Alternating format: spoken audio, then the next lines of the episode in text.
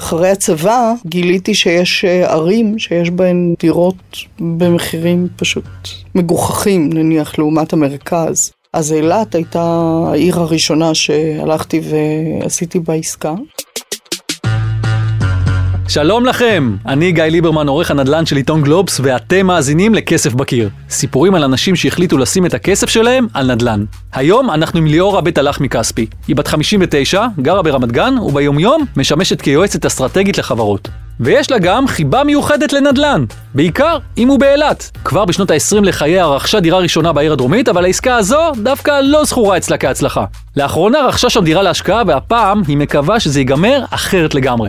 כסף בקיר 21. בואו נתחיל. אחרי הצבא גיליתי שיש אה, ערים שיש בהן דירות במחירים פשוט מגוחכים, נניח, לעומת המרכז. אז אילת הייתה העיר הראשונה שהלכתי ועשיתי בה עסקה, והייתי באמת צעירה, הייתי בת פחות מ-22. היום אני חושבת על זה, אני מסתכלת על הבת שלי בת 25, היא עוד לא מבינה מה זה לחתום על חוזה שכירות. הימים הם ימי האייטיז העליזים. ליאורה, אז עוד צעירה שרק התחתנה ובקושי מבינה איך חותמים על חוזה שכירות, ארזה תיק גדול וירדה לאילת במטרה להגשים חלום, לקנות דירה. אנחנו היינו כבר נשואים, והמשכנתה של משרד השיכון הייתה 21 אלף דולר. ומה שאמר לי המתווך, תראי, יש לי בדיוק בגובה המשכנתה שלך חצי בניין, ואני אגיד לך מה היתרון. דירה אחת מושכרת לארקיע, דירה אחת מושכרת לאיזה מלון, ודירה אחת מזכירים זוג שעובדים פה בהוראה, והם כבר הרבה זמן בדירה, והם רוצים להיות בה. וככה יהיה לך חצי בניין, ותהיה לך את השכירות, זה ישלם לך גם את המשכנתה, ומה אכפת לך? שוכרים מעולים, ומחירים מצוינים. כי איכשהו לא היה בלנס בין הקנייה לבין ההשכרה. זה היה הרבה יותר משתלם לקנות מאשר לשכור. אבל כנראה לא לכל אחד יש את ה-down payment לתת שם. בכל אופן, אה, קשרתי לבחור. הכוונה לבן זוגה באותם הימים. הלו. אמרתי לו, בוא, תחתום על הסכם. ואז נכנסנו לעורך דין, והוא שמע בפעם הראשונה שבעצם זה שלוש דירות ולא אחת. אז הוא אמר, תבטלו את זה. אז העורך דין אמר לי, בת כמה את? שהיא 22. הוא אמר, עכשיו תפרקי את זה. כי את מבינה משהו שלא הרבה אנשים בגילך מבינים על uh, נדל"ן. לצערי לא הקשבתי לו. בדיעבד, היא קיבלה שיעור. בכל אופן, זה הלך ונעשה מסקרן, מאוד, uh, מאוד מעניין, איך אתה רואה בהתפתחות של דברים, איך אתה מסתכל על ערים, איפה הם היו, אני מסתכלת על היום על אילת, זה פשוט, אין בכלל שום uh, תמונה נניח, מראה שאני יודעת לקחת ולחבר ממה שהכרתי את אילת למה שאני רואה את אילת, ולמה שאני יודעת שהולך לקרות באילת. ואז uh, בעצם הבנתי שנדל"ן זה, זה דבר שהוא מניע, דבר שהוא בונה, סוג של מקפצה רצינית מאוד.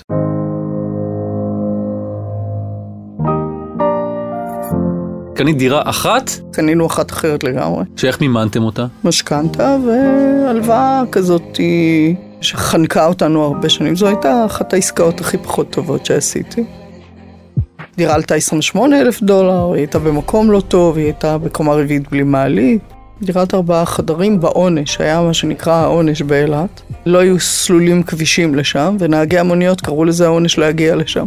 קיצור, זו הייתה עסקה, שמי שמכר עשה עסקה טובה מאוד, מי שקנה פחות, אבל זה ככה בחיים, כשאתה עושה, אתה נוקט צעדים טיפשיים, אתה בדרך כלל נכשל. רצוי שתעשה צעדים מפוקחים וחכמים, תשתדל לפחות. לליאורה יש עוד סיפור על השקעה בשלוש דירות, כמעט השקעה יותר נכון, שהתפספסה לה לגמרי.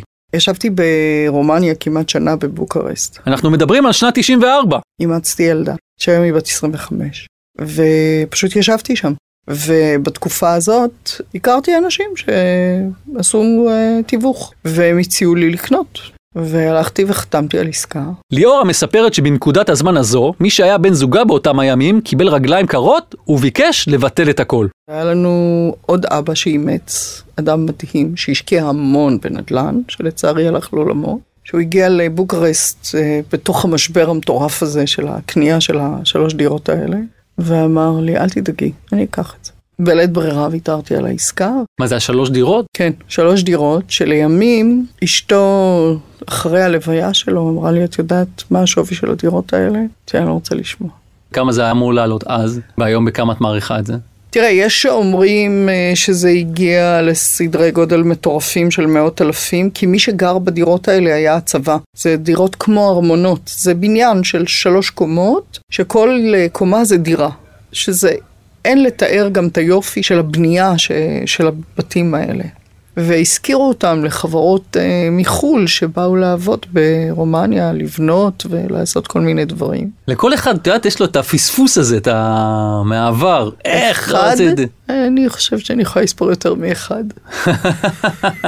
אבל אני לא מתייאשת, כי אני מאמינה שדברים, אה, אתה יודע, עסקאות נדל"ן זה דבר שהוא, שהוא נזיל, זאת אומרת, זה קורה כל הזמן, ויש עליות, ויש בדרך כלל עליות, אין כל כך ירידות, אבל יש מחירים שהם מחירים שיכולים להתאים לך בתקופה מסוימת כמשקיע עם פרופיל מסוים, שאתה יכול למצוא את עצמך הולך ועושה את הצעד. אבל uh, מה שבעיניי זה מצריך, זה מצריך הרבה מאוד תשומת לב ועניין. לקרוא על חברות נדל"ן, להבין איך השוק שלנו מתנהג לעומת שווקים אחרים, מה היתרונות שלנו, מה, מה החסרונות שלנו.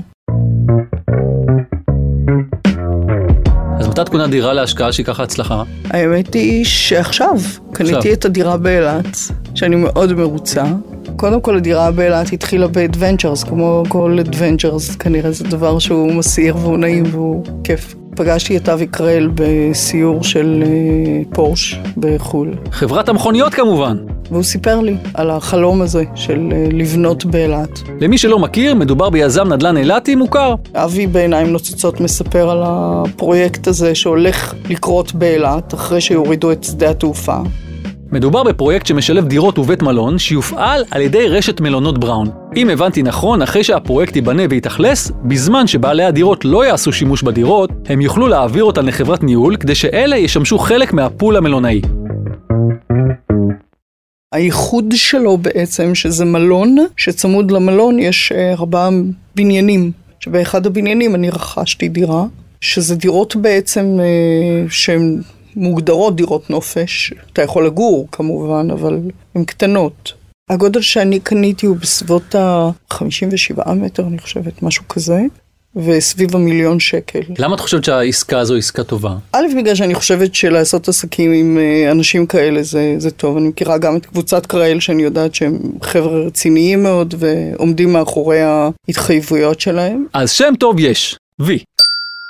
המחיר היה די אטרקטיבי, המחיר אה, התאים לי מבחינת השקעה, כי זה פחות או יותר הסכום שחשבתי שאני רוצה להשקיע בדירה נוספת כהשקעה, ואני לא מחפשת נכסים אה, מאוד מאוד יקרים, אני גם מאוד מקפידה על אה, נכסים דווקא בארץ. אני רואה בזה בניין הארץ, אני רואה בבנייה חלק מהמהות העיקרית של מה זה לחיות כאומה, כעם שבונה ו... מסוגל אה, לפתח את החיים שלו בארץ. יחד עם זאת, אילת היא נקודה מאוד מאוד אהובה עליי, כעיר, כפנינה תיירותית, שאני יודעת שיש לי חברים בעולם שהחלום שלהם זה לבוא ולצלול באילת. אז אם אני לוקח את הרגש, שם אותו בצד, את אומרת, בעצם במילים אחרות, יש הרבה traffic שהולך להיות באילת, וזה אנשים שיבואו ו... זה ברור לחלוטין, בעיניי גם השקעות צריכות להיות uh, מגובות בדברים שיש בהם הרבה פשן, הרבה חלוציות אפילו נקרא לזה, כי ככל שאתה מסתכל על האפשרויות מסביב ואתה נותן פה הזדמנויות למשקיעים לבוא ולקחת בזה חלק, אז אני רואה בזה סופר אטרקטיבי, ואני חושבת שבסוף החודש אני מארחת קבוצה של uh, אנשים שהם בעיקר חברים, אבל הם עוסקים בנדל"ן כולם בקפריסין. וסיפרתי להם על הפרויקט. והם אומרות, את יודעת מה, אנחנו רוצים לבוא ולראות את זה. לראות במו עינינו מה זה אומר, הפרויקט הזה, לראות את אילת, הם בחיים לא היו בישראל. שזה בעיניי אה, בפני עצמו, להביא הנה, אתה יודע, עוד תיירות איזשהו תנועה. אבל עם כל הכבוד, את לא ראש עיריית אילת עדיין, ו... לא צריכה להיות ראש עיריית אילת. אני אזרחית ישראלית אכפתית. לא, לא, על הכיפאק. אני חושבת שכל אחד אה, יכול לקחת לעצמו בחלקת האלוהים הקטנה שלו, משהו שהוא רוצה להיות אחראי עליו. בסדר, אני מסתכל על זה מהעיניים של משקיע, אני אומר לעצמי, עם כל הכבוד, אני רוצה לבוא ו- ו- ולהרוויח פה כסף, זה המהות בסופו של דבר של השקעת נדל"ן. אתה מרגיש שזה רומנטי מדי מה שאני אומרת? זה השאלה הבאה שלי. רציתי לשאול, אוקיי. איזה בדיקות כלכליות עשית את לפני שאמרת, אוקיי, ציוניות סבבה, זה מגניב, זה הכל, אני מאמינה באנשים, אבל גם הבדיקה הכלכלית שהכסף שאני שמה פה הוא באמת יניב לי את התשואה הטובה ביותר. יכלת לשים את הכסף גם במקום אחר, באפיקים אחרים. נכון. אז איזה בדיקות עשית את, או איזה חישובים את עשית שהביאו אותך למסקנה שזה... לא יותר מדי, כי אמרתי לך, היה לי, היה לי את ה vision הזה בראש, אני רוצה דירה להשקעה באילת, שאני רוצה שהיא תהיה דירת נופש, אני יכולה, שמי שבונה אותה, אני יכולה לסמוך עליו לעיניים עצומות. הם הציעו אותה אה, בתנאים מאוד מאוד נוחים, שכשאתה עושה את החישוב של האשראים והלוחות זמנים של התשלומים וכל הסיפור, זה יצא סופר נוח לי, סופר מתאים. כשאני שואל אותה, ליאורה מרגישה פחות בנוח להסביר על מסגרת האשראי בתוכנית המימון, ורק אומרת שנכון לעכשיו, הם שילמו רק כעשירית ממחיר הדירה. הצענו את המאה אלף שקל הראשונים, עשינו את ה, מה שנקרא את הקנייה, אבל uh, בגדול הוצאנו כסף uh, על רכישה. על uh, להבטיח את זה שאנחנו קונים, ולאט לאט עם התקדמות הפרויקט אנחנו uh, נזרים כסף. אבל הרעיון היה שגם הפוטנציאל, אחד השיקולים שאתה שואל מה הם היו, שבתוך ההסכם היה אפשר לתת את הדירה הזאת לא Airbnb, שזה הם, קבוצת הניהול, הם מנהלים עבורי את ההשכרה. ואז אה, הם נותנים כל מיני פסיליטיז שזה מאוד מאוד מאוד ישתלם לי כתשואה. ואני מאמינה שהיא גם תהיה יותר גדולה ברגע שנגיע לזה בעוד כשלוש שנים. אני מאמינה, אני מקווה, שיתעשתו במשרד התיירות ובכלל, והתנועה לאילת תהיה הרבה יותר מסיבית והרבה יותר משמעותית, ככה שהביקוש יעלה. ואז אני, אני מאמינה שהדברים יהיו בהתאם. אבל אם אני מבין נכון, את בונה בעצם על זה שלמעשה השכירות הזאת, היא תהיה ברמה טובה, אבל את בעצם בונה על זה שה, שהערך של הנכס יעלה נכון בעצם מאוד. בהמשך. נכון מאוד. אני בהחלט חושבת שערך הנכסים אה, יעלה שם, ויהיה לזה ביקוש אדיר, כי אני גם רואה את הדרך שבה הם משווקים את הפרויקט, הם עושים עבודה יפייפייה בשיווק של הפרויקט, ואני רואה את הנכונות, אני רואה גם את הנכונות של החברים שאני שולחת, ואומרים, כן, אני, אני בפנים, אני רוצה גם כן. לפי מה שליאורה אומרת, ייתכן שזו לא תהיה העסקה האחרונה שלה באילת. אני חושבת שבפרויקט הזה אני רוצה לרכוש לפחות, לפחות עוד בית אחד. כן, את, את, את כדי כך, אה, זה, את מסמנת את אילת. עד כדי כך נדלקתי על הפרויקט הזה, כן. הפרויקט ואילת בכלל, את אומרת. אילת אה... בכלל. אילת בכלל, בעיניי אה, יום אחד אה, תהיה מה, ש, מה שחלמו ש... כשסניור לואיס בנה אותה, לדעתי קצת חבל, בלי יותר מדי מחשבה על אקלים בגדול אני חושבת שהיום אה, יש לנו פנינה אדירה במדינה שצריך אה, להתייחס אליה מאוד ברצינות. אבל זה אומר שמבחינתך גם המחירים שם הם עדיין אטרקטיביים? יש להם יש... לאן לעלות? למה לא? לדעתי בכלל צריכה לבוא איזושהי חשיבה כוללת על הנדל"ן בישראל, אבל כנראה שלא תהיה. אבל את אילת את מזהה כמקום שיש לו לאן לעלות. בעיניי כן, חד משמעית. בייחוד היום, אמנם יש אה, טענות נגד אה, שדה התעופה החדש, אבל אני חושבת שזה עשה, עשה שירות גדול מאוד לאזור הזה, וזה שיש להם אה, שדה תעופה בינלאומי היום גדול, שאפשר להגיע אליו ישירות, ו- ואפשר לנחות בה כ- כאקס-טריטוריה או משהו מהסוג הזה. זה נפלא. אבל למה דווקא אילת ולא להשקיע בימים אלה בחו"ל למשל? האמת, זו שאלה שעולה כמעט מדי פרק אצלנו, ולא סתם. כידוע, המיסוי מרחיק מפה משקיעים לחו"ל, ואותי מעניין תמיד להבין את הראש של המשקיעים. ליאורה, כמו שאני מבין, נמצאת בצד שלא רואה את עצמו בחו"ל בכלל. תראה, אני, אני יכולה להגיד לך שאני מכירה אנשים שמעורבים בפרויקטים בחו"ל, שהם משקיעים בנדל"ן חו"ל, שהם משקיעים הרבה יותר uh, מסיביים, הרבה יותר uh, בתוך, זאת אומרת, כל המהות של הפעילות שלהם היא סביב נדל"ן נקודה. הפעילות הזאת גוזלת מהם המון המון המון אה, משאבים, המון מאמצים, המון מתח. יש המון מתח סביב הדבר הזה. אני יודעת שאנשים עברו עכשיו אה, כל מיני אה, דברים לא פשוטים בגלל מה שקורה בברלין נניח, שלפני כמה שנים אנשים רצו לזה בהתלהבות אינסופית. הרמת לי להנחתה, אני אגיד לך למה. כי הרבה אנשים שמשקיעים בבורסה, גם חיים במתח. פתאום נופל עליך עכשיו איזשהו משבר בחברה מסוימת או משהו, התנודתיות היא אפילו יותר חריפה מיום ליום, פתאום נופל לך... קודם כל לא מסכימה איתך. כי תראה, מה זה בורסה? בורסה יכול גם ללכת לאג"חים שמניבים לך 2% ואתה חי בשלום ובשקט. לא בהכרח, זאת אומרת, מי שמהמר בורסה בורסה, לא יודע איזה סיכונים הוא לוקח, אבל הוא עדיין לוקח, הוא בן אדם שהוא סוג של מהמר, זה כמו להיכנס גם לקזינות, זה סיכון שהוא לקח וסיכוי שהוא לקח. דווקא בנקודה הזאת, הנדל"ן נחשב יציב יותר מהבורסה. אני דווקא לא מסכימה לחלוטין גם איתך בנקודה הזאת. ואני חושבת, גיא, שבעצם, תראה, אה, מה זה בורסה? בורסה זה חברות שעומדים בראשם אנשים. אתה יכול אה, בצורה הכי גלויה בעולם, הרבה יותר קל לך מאשר עם חברה פרטית, שנניח אתה בא ואתה משקיע בה כמשקיע. יש לך את כל הדוחות של הגלויים, ויש לך את המנהלים, אתה יודע את כל צעד ושעל שהיא עושה בתוך חברה, מינויים, פיטורים, אה, השקעות. לא, אבל את לא יודעת מה יקרה מחר, פתאום מחר לא, יש לא, לך. אה, אירוע WeWork כזה.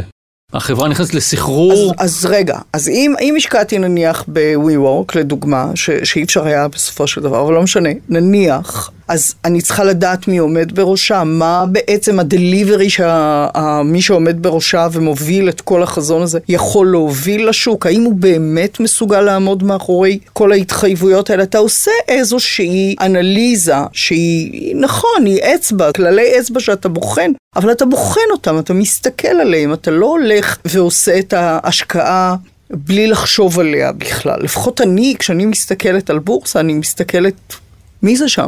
מי עומד שם? מה עומד uh, בפתח? איזה סוגים של התחייבויות יש לחברות האלה? איזה סוגים של מוצרים? מי אלה? וזה לא המסר היחידי שליאורה רוצה להעביר. רמז? זה קשור למגדר.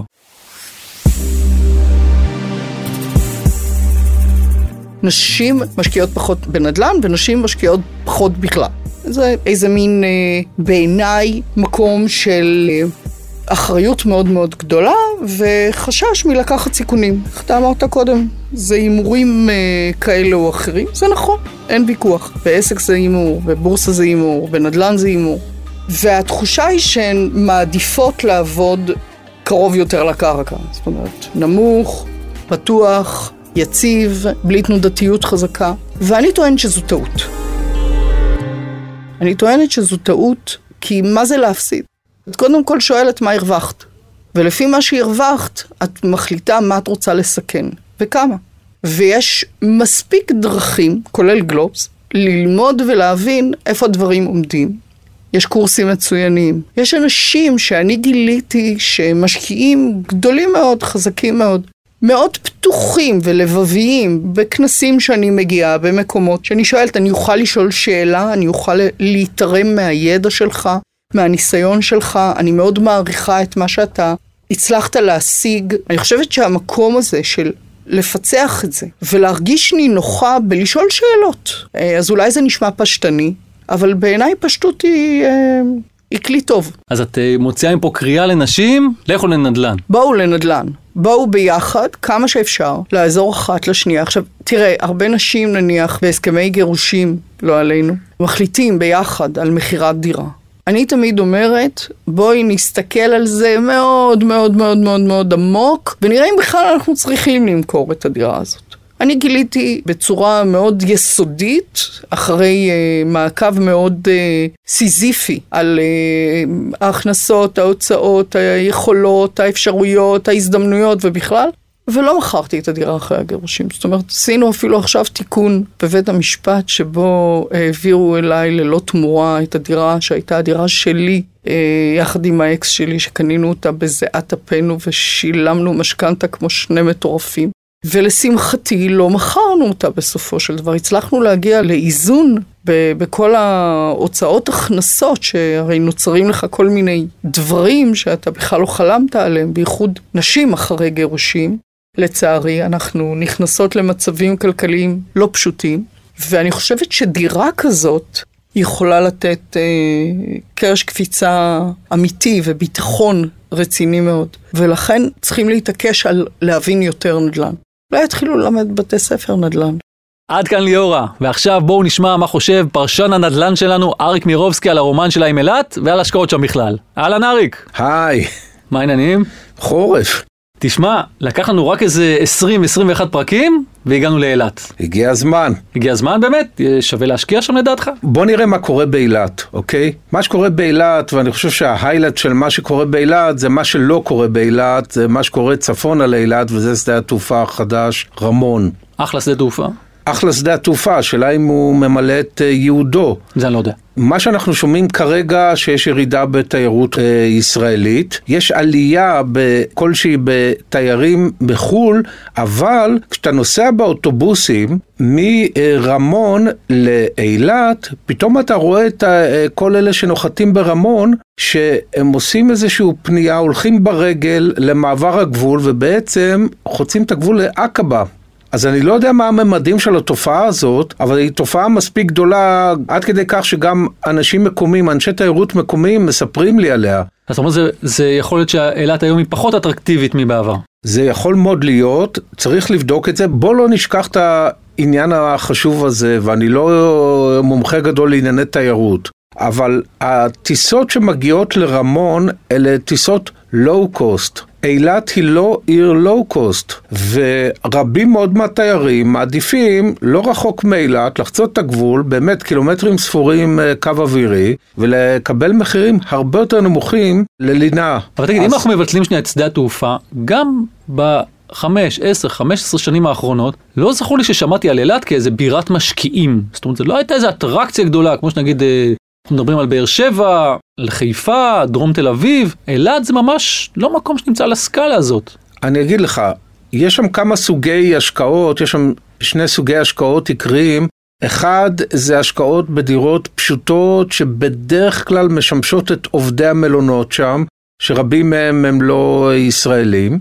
ההשקעה מסוג אחר שחלקה כפויה זה וילות ודירות ברמה יותר גבוהה שמשמשות ב-Airbnb ובשיטת השכירות הזו, זאת אומרת שכירות קצרת טווח, חלק ממנה, דיברתי על זה שהיא כפויה, חלק מבעלי הווילות שם לא מצליחים אה, להיפטר מהן או למכור אותן, ואז הם אה, עושים להם הסבה להשכרה. אני לא רואה אבל שיש שינוי בשנים הקרובות, זאת אומרת לא שעכשיו בונים שם איזה מסה של דירות קטנות או דברים שמתאימים לכל מיני Airbnb, דברים שיהיו יותר תיירותיים, אני לפחות לא מרגיש את זה. בדיוק, אנחנו צריכים להסתכל על הטווח שצריך להדריך את המשקיע, וזה חמש, שבע שנים מהיום, לא עוד עשרים שנה, לא אה, מתי שהשד יודע מה יקרה. חמש, שבע שנים אה, מהיום אנחנו לא רואים איזה שהם אה, שינויים אה, דרמטיים באילת. אנחנו לא רואים איזשהו Game Changer כזה שישנה את כל המציאות ויגיד בואנה, כדאי לי לחשוב על דברים אה, כאלה ואחרים, באמת שאני לא רואה את הדברים האלה. והנה ועדיין ליאורה הלכה וקנתה שם. אני רוצה לשאול אותך לאו דווקא על הסיפור הפרטי שלה, ויותר על, ה, על העניין הזה שאני הרגשתי לפחות בשיחה איתה, שלא ברור כל כך מה מתווה העסקה שם. יש לך מלון, לצידו מוקם איזשהו פרויקט מגורים, חלק מהזמן אתה יכול להעביר את הדירות ל pool מלונאי, אבל העניין הוא האם משקיע יכול להיכנס לעסקה הזאת בלי שהוא עשה בדיקות over קפדניות. אני בטוח שליאור עשתה את הבדיקות שלה, וכרגיל אצל משקיעים שמדברים איתנו, הם לא חושפים את כל מה שהם יודעים, ואת כל אלה מדברים איתנו באופן כללי. על סמך הדברים קשה מאוד לבחון את הסיפור הזה. זאת אומרת, שאתה בא ומשקיע היום בפרויקט שיהיה מוכן עוד שלוש, ארבע או חמש שנים מעכשיו, אתה כבר לוקח, דיברנו על טווח של חמש, שבע שנים, כבר אתה לוקח חמש שנים, שלוש, ארבע או חמש שנים, חצי מזה ויותר, עד שהפרויקט הזה יושלם. מה יקרה עד אז? יכול להיות uh, שיהיה נס ויהיה אילת תפרח, יכול להיות שיהיה הפוך, ומה שיותר סביר זה שהמצב יישאר כפי שהוא היום. האם המצב כפי שהוא היום הוא מתאים לפרויקטים מהסוג הזה? אני לא יודע, כפי שאמרתי, אני לא מתמחה בתיירות, אבל זה דבר שצריך לבדוק אותו. מה הסיכוי לדעתך שהשקעה כזאת היא לא טובה? זאת אומרת, שאתה תיפול בדבר כזה. הנפילה היא לא גדולה, וליאורה דווקא תיארה את התנאים, תנאי העסקה, לפחות על הנייר, הם תנאים uh, טובים. וכמובן, uh, הכל תלוי בגב של המשקיע, האם uh, יש לו גב כלכלי רציני, וזו עוד השקעה מיני השקעות רבות שלו, בסדר גמור, משהו שהוא קצת יותר ספקולטיבי, משהו שהוא קצת יותר, איך לקרוא לזה, עם פלפל, זה בסדר, זה לגיטימי. זאת אומרת, אתה אומר זה השקעה סולידית, לגבי יותר מזה, לא זה, מתחייב. זה לא כל כך סולידי, אבל אם אתה, יש לך סל של דירות או סל של נכסים, בין אם אה, נדל"ן ובין אם אחרים, אז תוספת של דבר כזה שהוא קצת יותר הרפתקני, לא אה, תזיק לך. אני מקווה שזה לא ההשקעה הראשונה של, אה, של ליאורה, אנחנו יודעים, אבל גם של אחרים שהשקיעו בפרויקט הזה. אוקיי, נלך לבדוק את המקום, פעם הבאה שנהיה באילת. אריק, תודה רבה. תודה לך, גיא. עד כאן עוד פרק של כסף בקיר. אם אהבתם את מה ששמעתם, אתן מוזמנות ומוזמנים לעקוב אחרינו באתר גלובס ובאפליקציית הפודקאסטים האהובה עליכם. אפשר גם בספוטיפיי. נשמח גם שתדרגו אותנו גבוה באפל פודקאסט. אם אתם בעצמכם משקיעים בנדל"ן ורוצים לספר לנו על ההשקעה שלכם, שלחו מייל לכתובת כסף.בקיר שטרודל גלובס.co.il, אותיות באנגלית כמובן. תודה לעורך הפודקאסטים שלנו, רון טוביה, לניב בן אלי על הסאונד ובלה פישר על ההפקה. יאללה, אני זז להתארגן על שנורקל ולרדת לאילת ולחפש דירה, ואולי שלוש, או שלא. אני גיא ליברמן. ביי!